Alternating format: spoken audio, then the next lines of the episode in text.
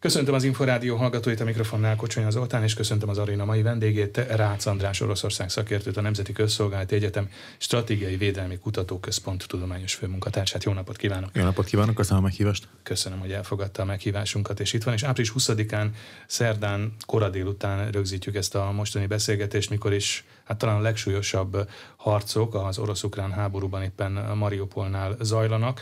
Többszöri ultimátumot adtak már az oroszok, de az ukránok nem hajlandók föladni Mariupolt. Jól lehet, a városnak, hát lehet, hogy csak órái vannak hátra a híradások szerint. Mariupol voltak éppen a háború kezdete óta, tehát mindegy két hónapja folyamatosan szerepelt és szerepel a hírekben. Miért ennyire fontos város ez az ukránoknak is és az oroszoknak is? Mariupol kapcsán a történet messzebbről indul. Tehát amikor elindul az orosz barát szeparatizmus 2014 elején, akkor ugye Mariupol rövid ideig a szeparatisták kezén van. 2014 április, május, júniusában van egy néhány hetes időszak, amikor Mariupol szeparatista kontroll alatt áll, az ukrán erők csak júniusban tudják visszavenni, 2014 júniusában. És ugye amikor a, az ukrán hadsereg 2014 augusztus-szeptemberi Ilovajszki veressége után az első Minszki fegyverszünetet követően a szeparatisták kiterjesztik az uralmukat Donetsztől délre, és eljutna egészen az Azovi tengerig. Attól kezdve az a helyzet áll elő, majdnem 8 éven keresztül, hogy a frontvonal Mariupoltól néhány kilométerre keletre helyezkedik el. Tehát Mariupol szilárdan ukrán kézen volt az elmúlt 8 évben, de egyrészt volt egy megszállási tapasztalat, másrészt pedig nagyon-nagyon közel volt a frontvonal. Időnként ágyúzták Mariupolt, időnként rakétatűzért a várost, tehát lényegében egy frontvonal közeli nagyvárosról beszélünk. És ez a frontvonal közeliség, illetve a megszállás tapasztalata azt eredményezte, hogy mivel a város eleve stratégiai fontosságú helyen van, erről mindjárt beszélek egy kicsit, hogy miért, Mariupolt az ukrán védők 8 éve erődítik. Tehát 8 éve erősítik a várost, halmoznak föl készleteket, élelmiszert, lőszert, hadianyagot, gyógyszert, minden ilyesmit. Tehát készültek arra a forgatókönyvre, hogy itt Oroszország meg fogja próbálni előbb-utóbb újra megtámadni De ha ránézünk a térképre, akkor mondhatjuk azt, hogy mondjuk az oroszok szándéka szerint Luhansk, Donetsk, Krím és Mariupol egy ilyen egységbe tartozna? Tehát az oroszok szándéka szerint? Ugye trükkös a dolog, tehát a, a Mariupol közigazgatásilag Ukrajna Donetsk, megy, Donetsk megyéjének a része. Tehát amikor Oroszország február 21-én bejelentette, hogy elismeri az úgynevezett Donetszki népköztársaság függetlenségét, és hamarosan kiderült, hogy ezt olyan területi határok mentén érti, amit a szeparatisták maguknak követelnek, tehát Donetsk megye teljes egészét Oroszország elismerte, mint a, a idézőjeles Donetszki népköztársaság területét, onnantól kezdve lehetett tudni, hogy Mariupolt el, el kell foglalni, ők Mariupolt el fogják foglalni. Tehát Mariupolnak van egy ilyen jelentősége, egyébként az Azovi tenger partjának legjelentősebb, is az, jelentős. A legjelentősebb kikötőváros, nagyon komoly nehézipari központ, nagyon komoly bányászati központ, tehát ipari központ jelentősége is van. Hát igen, ugye a mostani hírek szerint pont az acélüzemben igen. zajlanak a leghevesebb harcok. Igen, Oda két nagy acélmű van, ugye az Ilyich, meg az Azovstal. Ugye az Azovstal az Kelet-Európa legnagyobb acélipari üzeme, tehát egy írdatlan méretű és relatíve modern üzem. Tehát Mariupolnak gazdasági jelentősége is van. Emellett katonai jelentősége is van, hiszen a, az Azovi tenger ameddig ugye a Krímfélsziget nem került orosz kézre, és főleg, meg nem épült a híd. Ugye Mariupol az katonai bázis is volt, az ukrán haderő katonai bázisa. Tehát az is célja az oroszoknak, hogy az Azovi tengertől elvágják Igen, Ukrajnát? és ezt a célt most el is érték. Tehát most arra azzal, hogy a háború elején a Krímfélszigetről észak-kelet irányba kitörő orosz erők néhány nap alatt végig söpörtek az Azovi tenger partján, elfoglalták Melitopolt, Egyébként Melitopol teljesen nyitott mezőváros, tehát földrajzilag védhetetlen volt, ezzel együtt Melitopol majdnem egy teljes napig ellenállt. Tehát egy nagyon rövid, de hősies epizód volt.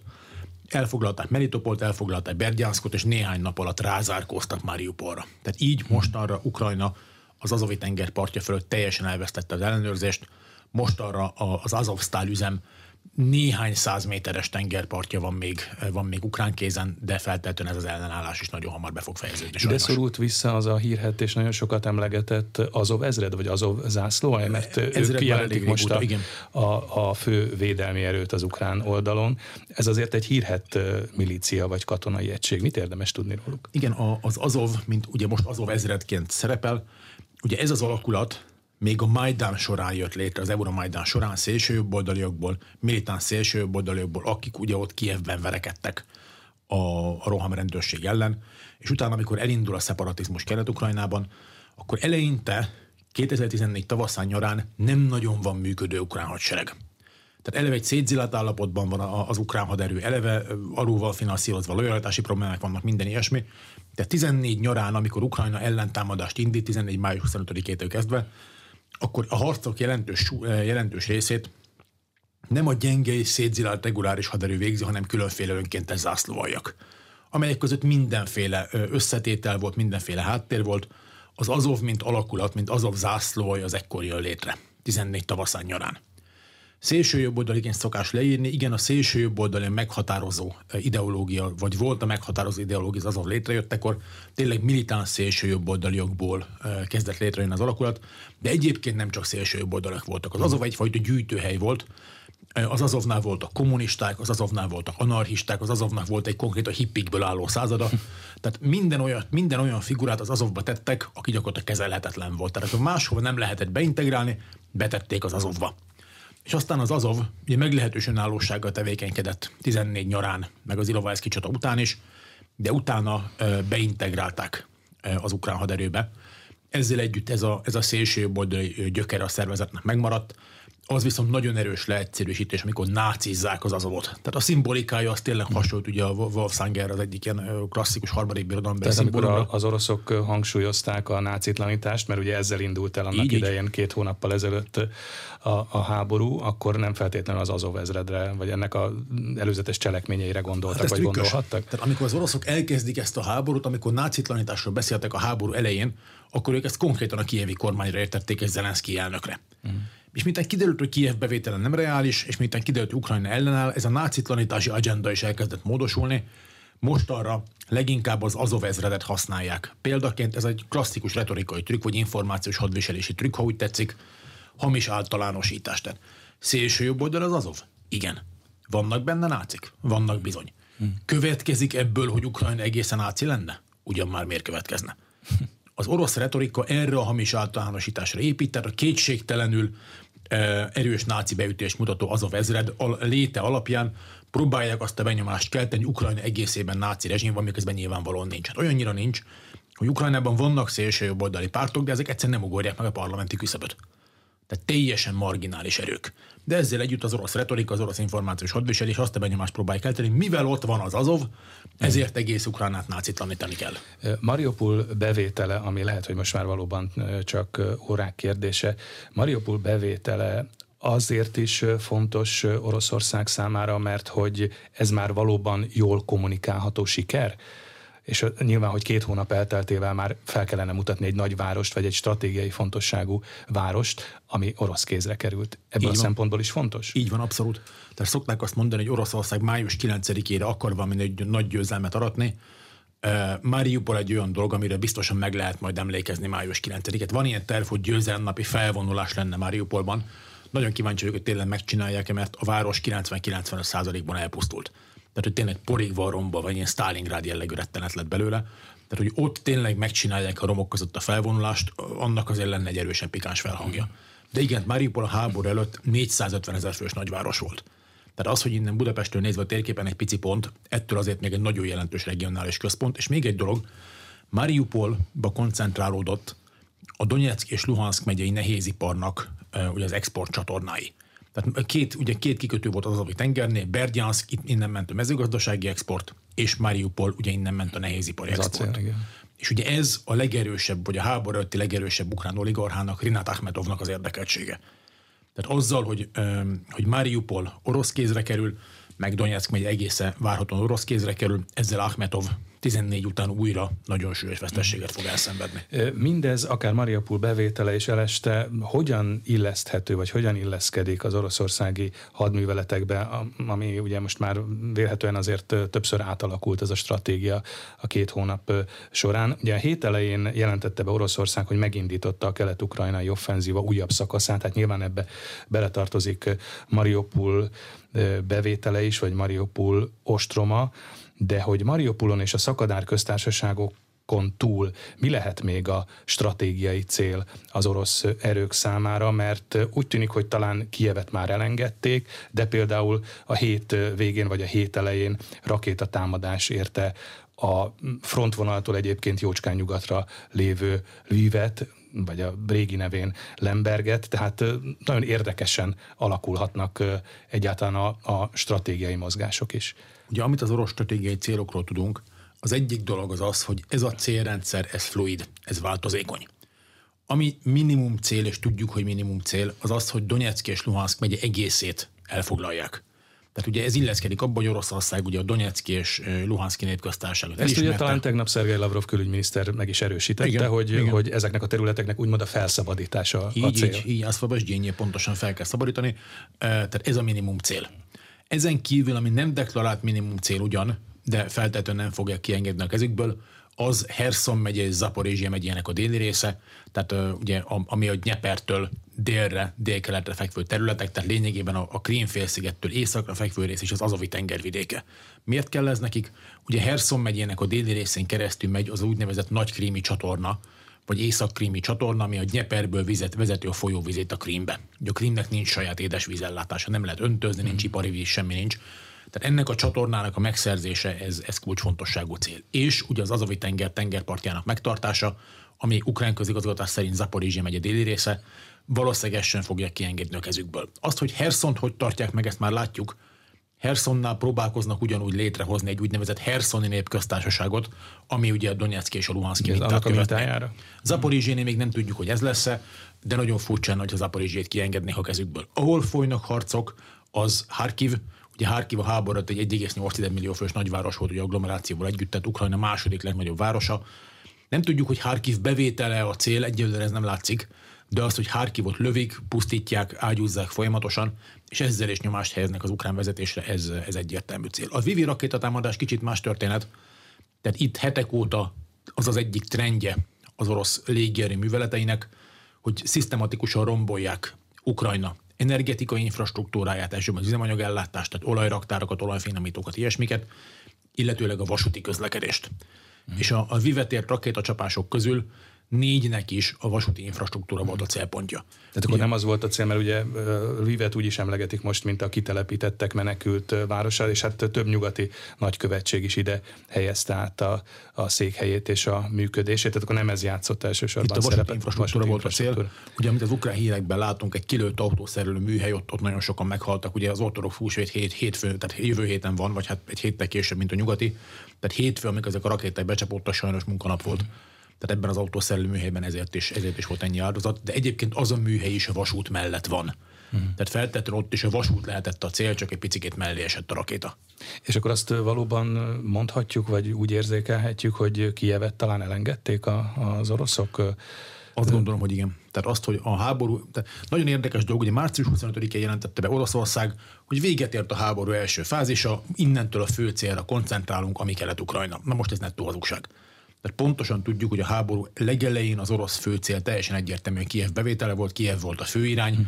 és az összes többi támadási irányos csak támogató másodlagos irány volt. És ez olyan miért változott időközben? Egész egyszerűen amiatt változott, mert hogy erős ukrán ellenállással kellett szembesülni, vagy talán az orosz hadigépezet sem úgy működött, mint ahogy azt elvárták Hát volna. ez nem vagylagos, mind a kettő számít. Tehát azért változott az orosz célrendszer retorikában, mert úgy tesznek, mintha mindig is ez lett volna. Tehát de facto az a helyzet, hogy ők Kiev alatt vereséget szenvedtek. Tehát ők fennakadtak azon nagyon, nagyon erős, nagyon elszánt ukrán ellenálláson, és fel kellett adniuk azt az eredeti, tényleg elsődleges fontosságú tervüket, hogy elfoglalják a fővárost. Mm. És most úgy tesznek március 25-től kezdve, mintha mindig is kelet-ukrajna lett volna a terv, de ez valójában egy arcmentés ez arról, ez arról szól retorikailag, hogy ne kelljen bevallani, hogy igen, Kiev alatt legyőztek minket. A vártnál sokkal erősebb volt az ukrán ellenállás, és a vártnál sokkal rosszabbul működött az orosz hadigépezet. Ennek tervezési, logisztikai, mindenféle más oka is van. Ezzel együtt nem, tehát Kelet-Ukrajnában nem nagyon látszik az, hogy, hogy mi akadályozná meg azt, hogy megszerezzék Donetsk és Luhansk megye maradék területeit. Mi arra számítunk, hogy ha az orosz hadvezetés nem követel elemi hibát, akkor ezeket a területeket feltétlenül megszerzik. Viszont ezt követően az orosz, már most egy nagyon kimerült állapotban van az orosz hadsereg, nem nagyon látszik az, hogy lenne elég erejük ahhoz, hogy a keleti területek megszerzése után még újra bemenjenek Észak-Ukrajnába, és újra neki kezdjenek a főváros ostomának. Mm. Tehát rakétázni fogják, nagy távolságból nyitott légitámadások lesznek, de az, hogy Kievet szárazföldi erőkkel megpróbálják újra elfoglalni, ezt, ezt jelenállás szerint így április 20-án beszélgetve ezt én ideálisnak tartom. De ahhoz, hogy fegyvernyugvás, vagy akár béke, vagy valamilyen békeszerződés legyen és lezárja ezt a háborút, ahhoz nyilván Ukrajnának rá kellene bólintania erre a területvesztésre. Van erre reális esély? Ugye az elmúlt nyolc év azt mutatja, hogy azzal együtt, hogy Ukrajna hivatalosan sosem ismerte el, és nem is fogja elismerni, hogy a Krím-félsziget de facto Oroszország része, ugye nemzetközi jog szerint nem, ukrán jog szerint nem, orosz jog szerint igen, és de facto Oroszország kontrollálja területet. Tehát azt, hogy ezt a ténylegesen kialakult helyzetet Ukrajna formálisan sose ismert el, de igazából megtanult vele együtt élni. Hm.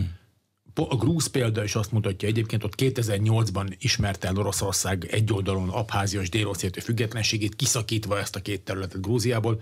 A Tbilisi vezetés sosem ismerte, hogy ezek tényleg független országok lennének, de megtanultak együtt élni ezzel a helyzettel. Azt gondolom, hogy Ukrajna is szükség esetén meg tud tanulni együtt élni azzal, hogy, hogy Donetsk és Luhansk megye e, orosz kézen marad. Hivatalosan elismerni nyilván soha nem fogják, ez belpolitikailag is vállalhatatlan, ráadásul hát ezek után vérszemet kapna nem csak Oroszország, de mindenki más, és hiszen azt látná, hogy ja, hát akkor fegyveres erővel, akkor lehet területeket szerezni. Tehát, hogy ez, ez egy megengedhetetlen precedens. Formális ukrán elismerés nem lesz. Az, hogy megtanulnak azzal a kialakult helyzettel együtt élni, ez, ez, ez, ez sokkal reálisabb. Beszéltünk az orosz haderőről, és ennek kapcsán azért az jutott az eszembe, hogy azért az orosz hadsereg és az orosz haditechnika az elmúlt hetekben megmutatta magát a világnak, bár a hírek szerint a legkorszerűbb eszközeiket még nem vetették be, legalábbis erről szólnak a hírek, de mintha az a kép rajzolódna ki, hogy amit gondoltak, vagy amit gondoltunk erről a haderőről, és amit Oroszország szeretett volna magáról közvetíteni, az a kép azért egy kicsit csorba lett. Igen. Tehát, hogy a, a, az orosz haderő azért úgy pozícionálta magát, hogy itt folyamatosan zajlott egy haderőfejlesztés, egy modernizáció, és hogy az orosz a világ egyik legfejlettebb vagy legütőképesebb hadserege, mintha ez a, hát úgymond mítosz, ez megrendült volna. Igen és nem. Tehát egy haderőreform az egy, az egy hosszú folyamat. Ugye az orosz haderő, haderő, tehát a mostani haderőreform az a 2008-as grúziai háború tapasztalatai alapján indul. Tehát 2008-ban az orosz hadsereg legyőzi ugyan Grúziát, de egyébként katasztrofálisan szerepel. És 2008 után kezdődik az a haderőreform, ami 2014-re létrehozza az orosz hadseregnek egy olyan elit magját, ami aztán a krími műveletet végre tudja hajtani. Folytatódik, ott már jobban szerepelnek. Ott már sokkal jobban szerepelnek, persze. Mm. Folytatódik a haderőreform, eh, lezajl, ez folyamatban van egy átfogó modernizáció. Egyébként ennek most nem kellett volna befejeződni. Ez a haderőreform ez nincs kész. Ez egy folyamatban lévő haderőreform, egyes elemeinek 2028-ra, vagy 2030-ra kellett volna befejeződni. Ez az egyik oldal. Tehát itt nem egy befejezett haderőreform végeredményét látjuk, hanem egy haderőreform, mint a harmadik negyedében vagyunk, vagy, vagy második fél idejében, attól függ, hogy melyik részeket nézzük. Ez az egyik dolog, ami kapcsán érdemes egy picit óvatosan hozzáállni ehhez. A másik, hogy ezt a haderőt alapvetően téves politikai koncepciók alapján vetették be. Ezt a haderőt az orosz politikai felső vezetésnek azon utasítása mentén vetették be, és terveztették meg vele ezt a háborút, amely arra a feltételezése épült, hogy nem lesz ellenállás. Tehát olyan, mintha 2014-es Ukrajna ellen, ellen készültek volna föl 2022-ben. Tehát alapvetően értették félre az ukrán társadalom, az ukrán politikai rendszer, az ukrán fegyveres erők működését. És a hát hibás... talán Krím is példa volt igen, a számukra, nem? Igen. Amikor Azt gondolták, hogy meg lehet, is, hogy meg lehet ismételni a Krímet. Na most, ha egy, had, egy bármilyen jó haderőt, hogyha hibás politikai koncepció mentén vetnek be, azt nem lehet megnyerni. És igazából ugye, tehát tényleg az volt az orosz utasítás, már pontosan tudjuk, hogy néhány nap alatt végeztek volna ezzel a hadsereggel, egy villámháborút terveztettek meg. És miután kiderült, hogy ez a villámháború nem működik, mert Ukrajna ellenáll, akkor pedig már benne voltak. De ez az orosz hadvezetés hibája, vagy akár az orosz hírszerzésnek a hibája? Tehát nem voltak kellő információ birtokában arra vonatkozóan, hogy egyrészt az ukránok milyen erőkkel rendelkeznek, és hogy majd mondjuk milyen ellenállással fognak szembe találkozni? Ez amit nem tudunk pontosan. Tehát az, hogy milyen információk voltak Oroszországban, ha erről lennének konkrét információk, az nyilván minősített lenne, tehát azt én, azt én nem mondhatnám itt el. De mi a Stratégiai Védelmi Kutató Intézetben nem dolgozunk minősített információval nyilvános forrásokból nem rekonstruálható, hogy pontosan mit tudtak. az viszont látszik, hogy alapvetően értették félre. Itt nem a vezérkar rontotta ezt el, mert nem a Honvédelmi Minisztérium. Ugye az orosz alkotmány szerint a fegyveres erők főparancsnoka az az elnök. Uh-huh. Tehát itt az elnök környezetéből érkezhetett az a politikai utasítás, amelynek mentén a haderő egy villámháborút tervezett le. És mikor kiderült, hogy ez a villámháború ez nem működik, akkor már ugye benne voltak, és egy folyamatban lévő műveletet kellett volna átalakítani menet közben. Ezért voltak a logisztikai problémák, ezért voltak a fennakadások, mert tényleg ők arra készültek, hogy néhány, néhány nap alatt végeznek. És mikor kiderült, hogy nem, akkor kiderült, hogy nem elég az üzemanyag, nem elég a logisztikai háttér, nincs elég erő, nincs elég élelmiszer, és menet közben kellett átalakítani a hadműveleti terveket. A második héttől kezdve nagyjából az ötödik hétig ez az egész lelassulás, és ami kívülről ilyen szerencsétlenkedésnek tűnt, az ennek volt a következménye. És a másik oldalon az ukrán haderőről mit tudhatunk? Mert erről ugye korábban kevesebbet gondoltunk, és kevesebbet gondoltak nyilván jelek szerint maguk az oroszok is. Ott azért szintén le, lezajlott az elmúlt években egy elég komoly haderőreform és haditechnikai fejlesztés is, ha jól tudom. Ez így van. Még egy dolgot mondok az orosz haderő, mielőtt áttérünk az ukrára. Miután ennek a háborúnak vége lesz, mert valamilyen módon be fog fejeződni, az egyik legfontosabb elemzői kihívás az lesz, hogy amíg eddig hajlamosak voltunk túlbecsülni az orosz haderőt, hogy ne essünk át a másik oldalra, nagyon kell majd figyelni. Tehát ne becsüljük le az orosz haderőt, ne gondoljuk azt a háború vége után, hogy ez az orosz haderő egy reménytelen romhalmaz. Egészen biztosak lehetünk benne az orosz, hogy Oroszország tanulni fog itt ezek, hmm. ezekből a tapasztalatokból, és igyekszik majd befoltozni a hibákat. Na most, ami az ukrán haderőt illeti, itt ugye azt nem szabad elfelejteni, hogy 2014-től kezdve Orosz, vagy Oroszország és Ukrajna de facto háborúban állt. Igen. Tehát Ukrajna 8. éve harcol Oroszország ellen. Ez a háború 15 nyarától kezdve 22 februárjáig alacsony intenzitáson, de folyamatosan zajlott. Tehát ilyen folyamatos, kis, kisebb-nagyobb összetűzések. Tehát az orosz haderő ellen ennyire hosszan, folyamatosan a Szovjetunió afganisztáni háború óta nem harcolt senki. Tehát Ukrajna elképesztő mennyiségű tapasztalatot gyűjtött össze, ez egyik, ez egyik faktor. Másrészt Ukrajnában már a 14-es háború kitörése előtt megkezdődött az átállás a sorozat hadseregről a professzionális és szerződéses hadseregre. Ezt aztán a 14-es orosz támadás megaka- részben megakasztja, akkor több hullámban sorozni is kell, mert egyszer nincs elég katona, de hosszú távon egyébként az orosz támadás felgyorsította az ukrán haderő átalakulását. Tehát itt egy olyan ö, hadsereg jött létre, amiben sorállományúak már csak elenyésző számban voltak, és ez a kb. 200, 220 ezer fős ukrán haderő, ennek a döntő részét hivatásos és szerződéses hát tették ki. Igen. És akkor ehhez jöttek aztán a mozgósított tartalékosok, ehhez jöttek ezek az ukránok teroborónának nevezett területvédelmi zászlóajak, e, és ehhez jött mindenféle még kiegészítő egység, és ugye még a Nemzeti Gárda is. Tehát itt Ukrajna azért tényleg 8 éve háborúban áll. Elképesztő mennyiségű tapasztalatot halmoztak föl, és egyébként a nyugat is segített abban, hogy modernizálják ezt a haderőt, elsősorban a vezetési struktúrákat. Ezért is van, hogy ez az ukrán hadsereg sokkal rugalmasabban tud működni, sokkal jobban ellenáll a sérüléseknek, ellenáll annak, hogy a vezetési pontjaikat kilövik, megsemmisítik az oroszok, és az ukrán haderő működik tovább. Tehát valahogy úgy kell elképzelni, mint egy nagyon sűrű szövésű, nagyon sok csomópontos gráfot és ha egy-egy csomópont kiesik, ettől még a rendszer egésze az, az működőképes marad. Azért az nagyon érdekes lehet, hogy a, a fegyverszállítmányok, vagy a nyugati fegyverszállítás mennyiben és hogyan segítette Ukrajnát, vagy a, az ukrán haderőt. Továbbra is folyamatosan jönnek kérések, felhívások Kijevtől újabb és újabb fegyveres segítségre vagy támogatásra. Mennyiben segítette eddig ez Ukrajnát? Most már pontosan látjuk, döntő fontosságú ezek a fegyverszállítmányoknak a, a, a, az, hogy ezek érkeznek Ukrajnába.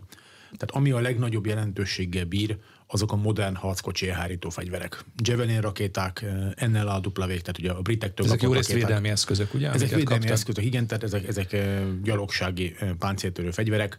Ezekkel, a, különösen a Javelinekkel, amennyire tudjuk, lényegében az összes orosz harckocsi típust meg lehet semmisíteni két olyan orosz harckocsi típus van, amiről nem tudjuk, hogy hogy szerepel a Javelin ellen, vagy ki lehet lőni, vagy nem, de minden mást elpusztítanak. És ugye Javelinből már több tízezer érkezett, több tízezer más páncéltörő fegyver is érkezett, tehát ez nagyon jelentősen erősíti az ukrán haderő, az ukrán gyalogság védelmi képességét, ez a legfontosabb. Ami szintén nagyon fontos, ugye a, a váról indítható légvédelmi rakéták, ugye az ukrán légierő eleve mennyiségi és minőségi hátrányban is volt az oroszhoz képest, jelentős része meg is semmisült a harcok során, Van még működő ukrán légierő, de inkább csak szimbolikus ellenállásra képes. De repülőterék se nagyon vannak, ugye, mert azzal kezdték vannak, az oroszok a hadműveleteket, hogy a repülőtereket Viszont az, hogy sok ezer légvédelmi rakétát kaptak az ukránok nyugatról, ezzel képesek időnként lelőni orosz repülőgépeket, orosz drónokat elég nagy számban lőnek le, és pusztán a légvédelmi rakéta fenyegetés nagyobb magasságba kényszeríti az orosz támadó repülőgépeket, emiatt aztán csökken a pontosságuk. Ez mennyire érzékeny terület egyébként, mert Oroszország éppen a napokban egy diplomáciai jegyzékben figyelmeztette Csehországot, hogy szovjet gyártmányú fegyvert Moszkva beleegyezése nélkül nem adhatnak tovább másik országnak. Nem tudni, hogy milyen típusú fegyvereket, de Csehország több mint egy milliárd cseh korona értékben szállított már fegyvert Ukrajnának. Hát ez, hogy átszámítjuk, ez kb. olyan 17-18 milliárd forint, tehát egy jelentős tétel. De elképzelhető, hogy Moszkva által egyébként is már barátságtalannak minősített országok a fegyverszállítások nyomán még barátságtalanabbá válnak vélhetően? Persze, abszolút. De, az, de itt ugye Csehország önjáró lövegeket is ad, harckocsikat is ad, kézi fegyvereket is ad, tehát Közép-Európában a Lengyelország mellett Csehország és Szlovákia az, ami, amik nagyon-nagyon markánsan támogatják Ukrajnát, nehéz fegyverzettel is. Ugye itt ezt, ezt hozzá kell tenni, hogy a teljesen új fegyverrendszerek átadása azért potenciálisan problémás, mert ki kell képezni az ukránokat ezeknek a rendszereknek a használatára. Ez még lehet relatíve gyors, de a karbantartás, működtetés, alkatrészbázis, minden ilyesmi, sokkal hosszabb idő felépíteni. Tehát a nyugati katonai segítség a kézi fegyverek átadása mellett, tehát páncéltörős légvédelmi rakéták átadása mellett a, a másik terület, amire koncentrált, az a Varsói szerződésben maradt ex-szovjet haditechnika átadása, mert ezek olyan eszközök, amit, amiket Ukrajna is rendszerben tart. Tehát átképzés vagy különösebb rákészülés nélkül azonnal tudják őket használni. Na most a katonai segítség kapcsán a legfontosabb viszont azt gondolom, hogy az információ átadás. Tehát most arra a hírszerzési együttműködés és az orosz csapatok mozgására vonatkozó információk átadása az szakmai vélemények szerint idézem a lehető legszorosabb. Tehát itt az, hogy az ukránok gyakorlatilag valós idei információkat kapnak a nyugattól az orosz csapatok mozgására vonatkozóan, ez egy óriási előny az ukrán erők kezében. Sikerült már egy rajta ütni orosz altábor, nagyon ugye nyolc halott tábornok közül legalább egy az így végezte, hogy megkapták az ukránok nyugodtan az információt, hogy pontosan hol van a tábornak a vezérkarával, és akkor ott egy különleges alakulat rajtuk tudott ütni. Volt már példa egyébként regionális háborúban arra, hogy ennyi vezető katonatisztet veszít egy ország? Mert itt azért a, a lista az, amit én láttam, az elég, elég nagy orosz veszteségeket tekintve. Erre most hirtelen nem tudok egyértelmű ellenpéldát mondani, tehát azt gondolom, hogy nem, de ennek utána kellene nézni.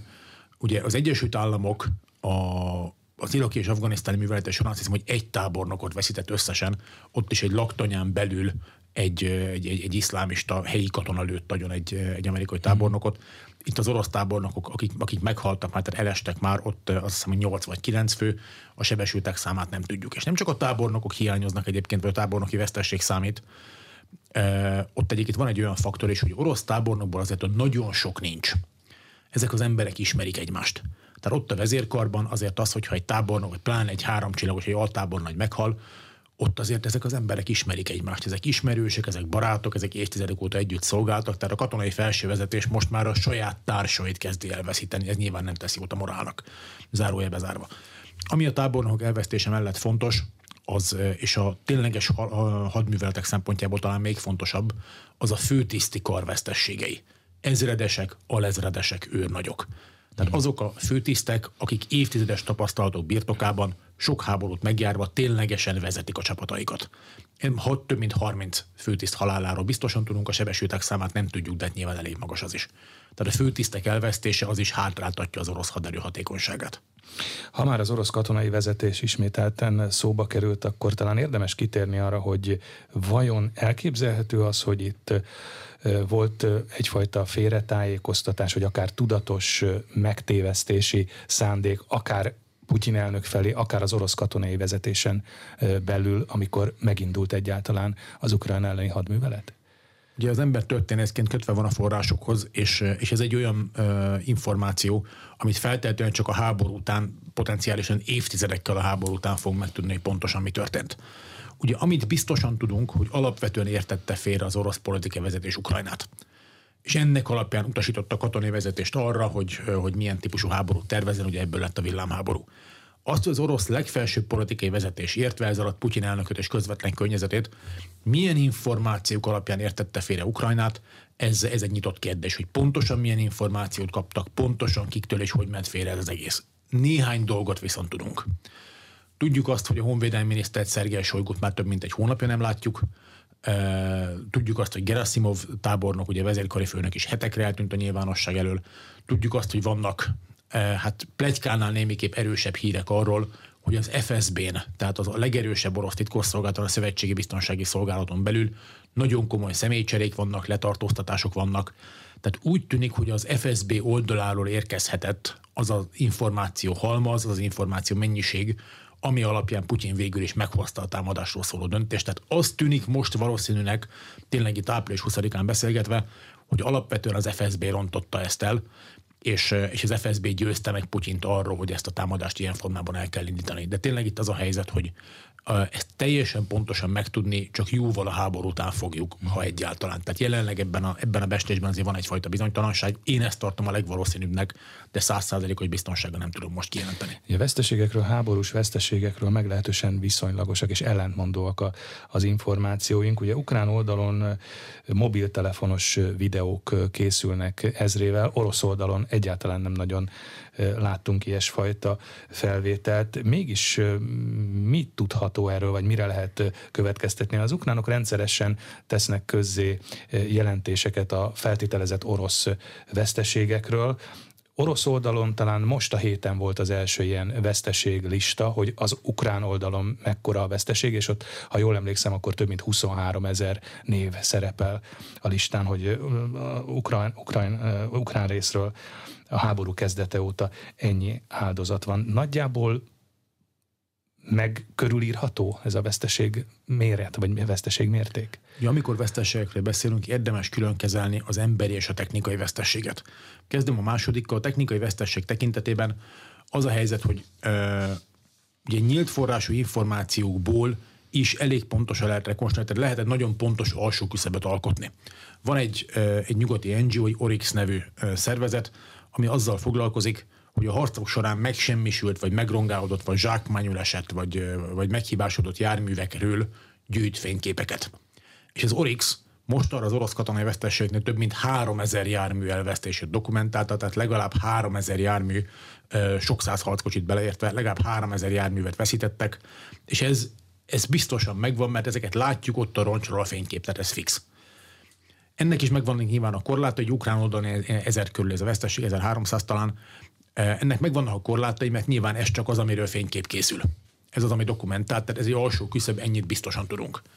Na most e fölé menni nagyon nehéz, nem látjuk, mi van a frontvonal mögött, nem látjuk azokat az eszközöket, amik sérülten, de valahogy hazavergődnek, nem tudjuk, hogy mennyit sikerül kijavítani, tehát rengeteg kérdője van, de látjuk, hogy még ezek a kérdőjelek. Na most, ami az eszközvesztességet illeti, az látszik, hogy az orosz vesztesség számszerűen magasabb, de a kiindulási bázis is magasabb, mm. ahonnan ezek az orosz, amiből ezek az orosz vesztességek levonódnak. Tehát az a valószínű, hogy a hardware vesztességeket Oroszország tovább tudja bírni. Itt nem is annyira a hardware ténylegesen a kérdés, hanem a kiképzett személyzetek elvesztése. Itt nem tudjuk, hogy mennyi az orosz tartalék, azt látjuk, hogy csökken a hatékonyságuk. Az ukrán vesztességeknél azért vagyunk nehéz helyzetben, mert általában igaz, hogy a hadviselő felek egyikétől sem várható, hogy objektíven tájékoztasson a saját vesztességéről. A háború ilyen, tehát az információs hadviselés, az a hadviselés integráns része. Nem az igazat fogják mondani, hanem azt fogják mondani, ami az érdekük. De az ukránok még ehhez képest is nagyon-nagyon zártak. Tehát az ukrán vezérkar gyakorlatilag nem közöl érdemi információ az ukrán haderő állapotáról, sporadikus meg indirekt információink vannak. Azt tudjuk, hogy javító kapacitásuk például már nem maradt. Tehát, hogy a sérült harcjárművek ukrajnai javítására már úgy tűnik, hogy nem nagyon van képesség, ezért valahogy Szlovákia és Csehország is felajánlotta, hogy náluk lehetne egyébként sérült ukrán harcjárműveket uh-huh. javítani. Tehát ilyen dolgokat tudunk, fogy az ukrán nehéz technika, nem véletlen egyébként, hogy a háború legelején még csak légierőt kértek nehéz fegyverzetet, nem, most már nehéz fegyverzetet is próbálnak kérni a nyugodtól. Ez indirekte azt jelzi, hogy, hogy komoly nehéz fegyverzet veszteség Orosz van. részről a Moszkva hadihajó elvesztése az mekkora veszteség, mert hát mégis a Fekete-tengeri orosz flotta zászlós hajója volt, és hát ugye ez érdekes egyébként a különféle magyarázat, mert mit se látunk tisztán. Ugye az ukrán verzió az az, hogy rakétatámadást hajtottak végre a Moszkva hadihajó ellen, és a, a legénység, ami azért 500 főre tehető, az oda veszett. Az orosz verzió pedig az, hogy tűz ki a hajón, és a, a viharos tengeren e, próbálták e, bevontatni a kikötőbe, és akkor e, süllyedt el. Tehát nagyon ellentmondok az információk is, de ez mekkora veszteség? Óriási. Tehát az, hogy a, a, az orosz fekete-tengeri flotta elveszíti a zászlós hajóját egy olyan ellenséggel szemben, aminek de facto nincsen flottája, ez ugye, ez, ugye, ha jól tudom, nem csak egy hadihajó, hanem egy ilyen harcászati központ is Igen, egyúttal. Tehát, tehát. Ugye, a, ez nem csak egy hadihajó, ez nem csak egy zászlós hajó. A Moszkva például integráns szerepet játszott a, a szíriai orosz hadműveletekben, konkrétan a Moszkva csinálta a légvédelmi biztosítását ezeknek a hadműveleteknek. Uh-huh. Tehát ez egy, ez egy ö, harcászati hadműveleti értelemben is nagyon fontos hajó volt, és a szimbolikus jelentőség az óriási. Annál is inkább, mert ö, nem tudjuk, hogy pontosan hány orosz tengerész veszett oda, azt tudjuk, hogy a hivatalos orosz magyarázat biztosan hamis. Tehát tudjuk, hogy rakéta találta el, tudjuk, hogy a partról találta el a rakéta. Ez az első napokban is lehetett már tudni, és miután kijöttek a fényképek a Moszkva sérüléséről, ott már elég egyértelmű. És hát van még egy indikátor. És állítólag még vihar se volt akkor egyébként, amire hivatkozni. Van egy elég, elég komoly indikátorunk. Miután a Moszkván robbanás történt, úgymond, az orosz flotta többi egysége pánikszerűen elkezdett távolodni az ukrán partoktól. Na most, ha ott véletlen tűz lett volna a Moszkván, akkor semmi oka ennek az ukrán partoktól való eltávolodásnak nem lenne. Tehát itt az történhetett, hogy Oroszország nem volt tisztában azzal, hogy Ukrajnának vannak ilyen partvédelmi rakétái, és az ukránok pedig elég ügyesek voltak ahhoz, hogy ne valami járőrhajóra lőjék el ezeket az eszközöket, hanem hogy az első találatta, az első bevetéssel kivárják, hogy valami értékes célpont jöjjön közel. Ez volt a Moszkva. Ugye két rakéta találta el, és ugye azt is tudjuk, hogy a Moszkva személyzete kritikusan felkészületlen volt. Tehát uh, itt az, hogy két uh, elég nagy, de azért, de azért nem atombomba méretű töltettől, az, hogy elsüllyed egy ekkora cirkáló, uh, ott azért feltétlenül a személyzet sem állt a helyzet magaslatán. Az, hogy mennyi embert sikerült kimenteni, ez megint erősen kérdőjeles. Uh, azokon a fényképeken, amik néhány nappal a süllyedés után nyilvánosságra kerültek, azon az látszik, hogy a Moszkváról a mentőtutajokat sikerült leengedni. Ezzel együtt ugye Oroszország nyilvánosra hozott egy felvételt, amin a Moszkva legénységét állítólag köszönti a Fekete-tengeri flotta parancsnoka. Azon, a felvé... ki is tüntetik őket azon a felvételen 104 ember van. Igen, és 500 fős volt a legénység. 500 fős volt a legénység. Más forrásokból tudjuk, hogy kb. 200-an vannak kórházban súlyos sérülésekkel. Ezzel együtt is azt jelenti, hogy legalább 200 emberről semmiféle hír nincsen. Mm. Tehát itt ez, itt ez katasztrofálisan súlyos vesztesség, e, és ez, és ez átütötte az orosz közvélemény inger küszöbét is. Uh-huh. Tehát, hogy ez, ez, ez kimagyarázhatatlan, ez, ez, ez egészen példátlan egyébként. Veszteségekről, áldozatokról, sőt, hát civil áldozatokról is beszéltünk, vagy hát kell beszélnünk, és akkor ugye adódik rögtön Bucsa és a több mint 300 civil áldozat. Kiderülhet valaha, hogy mi is történt Bucsában, ugye az ukránok olvasatában népírtás, az oroszok szerint meg provokáció. Kiderülhet valaha is, hogy mi történt? Szerintem elég pontosan tudjuk, hogy mi történt. Az, hogy népírtás vagy nem, ez egy jogi kategória, ebben nem szeretnék belemenni, nem hmm. vagyok jogász, ennek megvannak a szakmai részletek, a szakmai részleteket én nem tudom. Tudom, kit kell megkérdezni, én nem szeretném minősíteni népírtás vagy nem, mert, mert tényleg nem az én szakmám. Az ugyanakkor teljesen biztos, hogy ezt a kivonuló orosz erők csinálták. Tehát ö, olyan mennyiségű bizonyíték van, eleve tudjuk, hogy az orosz hadsereg ottani tevékenysége idején haltak meg ezek az emberek. Van térfigyelő kamerás felvétel, ami nagyon lőnek civilt. A tömegsírokból előkerült emberek jelentős része összekötözött kézzel fejbelőve hal meg. Vannak túlélők, akik mind azt mondják, sok száz ember, nem csak Bucsában, hanem máshol is, hogy az orosz csapatok végezték ki a civileket, elsősorban egyébként a hadrafogható korú férfi lakosságot. Megvannak a holttestek, zajlanak a boncolások, és egyébként meg mi az alternatíva? Tehát műhold felvételekről tudjuk, hogy azok a holttestek akkor kerültek oda, akkor voltak ott az utcán, meg az orosz hadsereg uralta a területet. Tehát el tudjuk azt képzelni, hogy miközben ott van az orosz hadsereg, elitegységek ráadásul, hiszen ez Kievhez közel van, Kiev ostomára készültek. El tudjuk képzelni, hogy ott van az orosz hadsereg, és eközben valami ukrán kommandó egy rejtélyesen beszivárog, és kiért több száz embert. Teljesen abszurd. Tehát itt, amit látunk orosz oldalról, az egyszer egy információs zajkeltés, próbálják elleplezni a saját felelősséget, és egy csomó egymásnak ellentmondó narratívát is kibocsátanak azért, hogy összezavarják a külső mm. szemlélőket. A helyzet az, hogy ami Bucsában történt, az teljesen és tökéletesen egyértelmű, ezt az orosz haderő csinálta. Pont.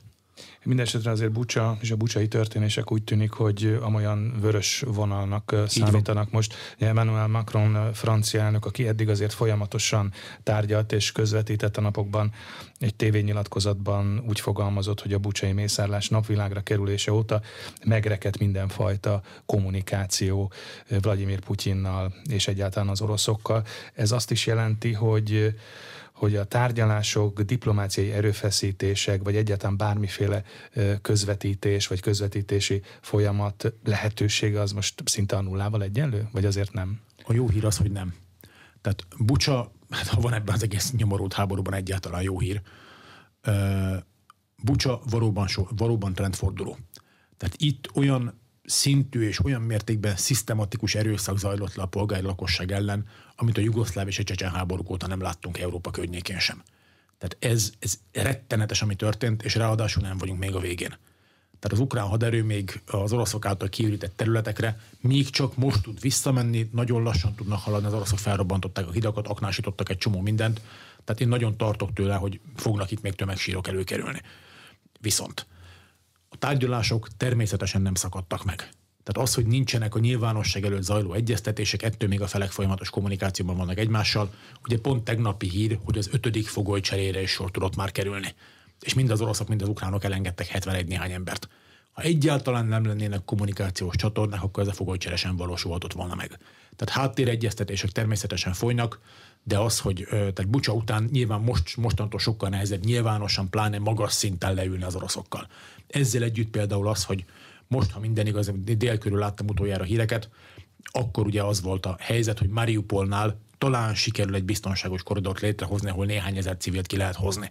Ezekről a zöld folyosókról sem lehetne megegyezni, ha nem volna kommunikáció. Tehát természetesen van, csak magas szintű egyeztetéseket most nem látszik, hogy a nyugatiak fel akarnának vállalni.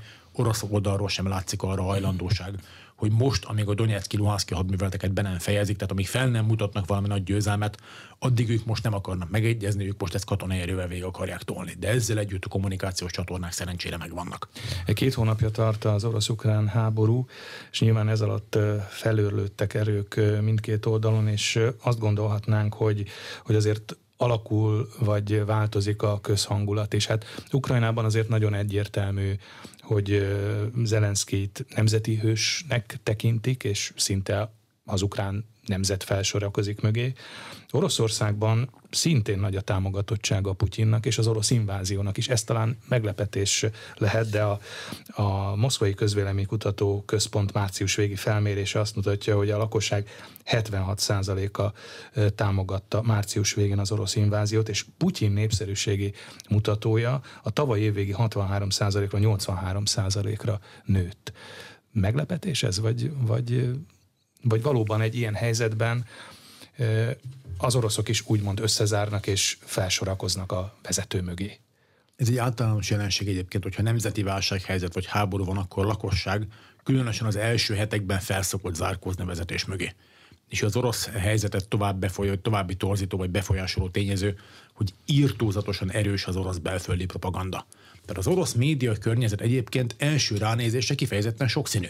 Tehát egészen sokáig lehet kapcsolgatni egy orosz tévé távirányítóját, nagyon sokféle műsort fogunk látni, de ezzel együtt is a, a fő politikai üzenet az azért nagyon gondosan meg van komponálva.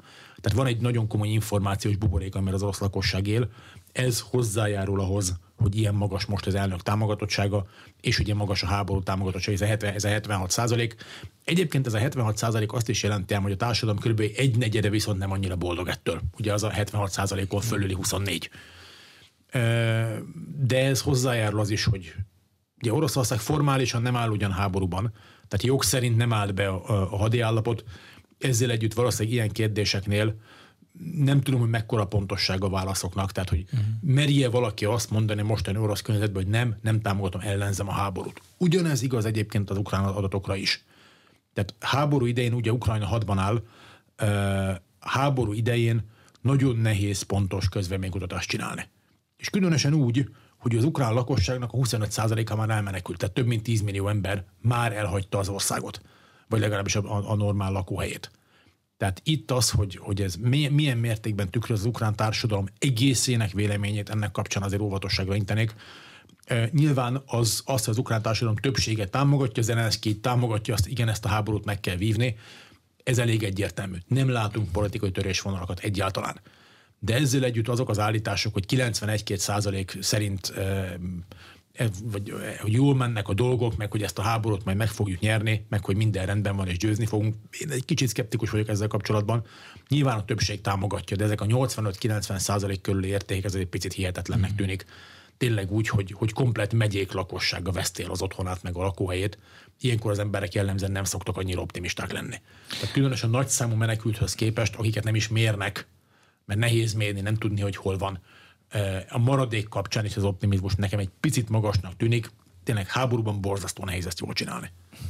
Sokakban, sokunkban, és nyilván nap mint nap felvetődik a kérdés, hogy meddig tarthat ez a háború, egyáltalán miként zárható majd le oly módon, hogy az mondjuk mindkét fél, vagy mindenki számára elfogadható legyen.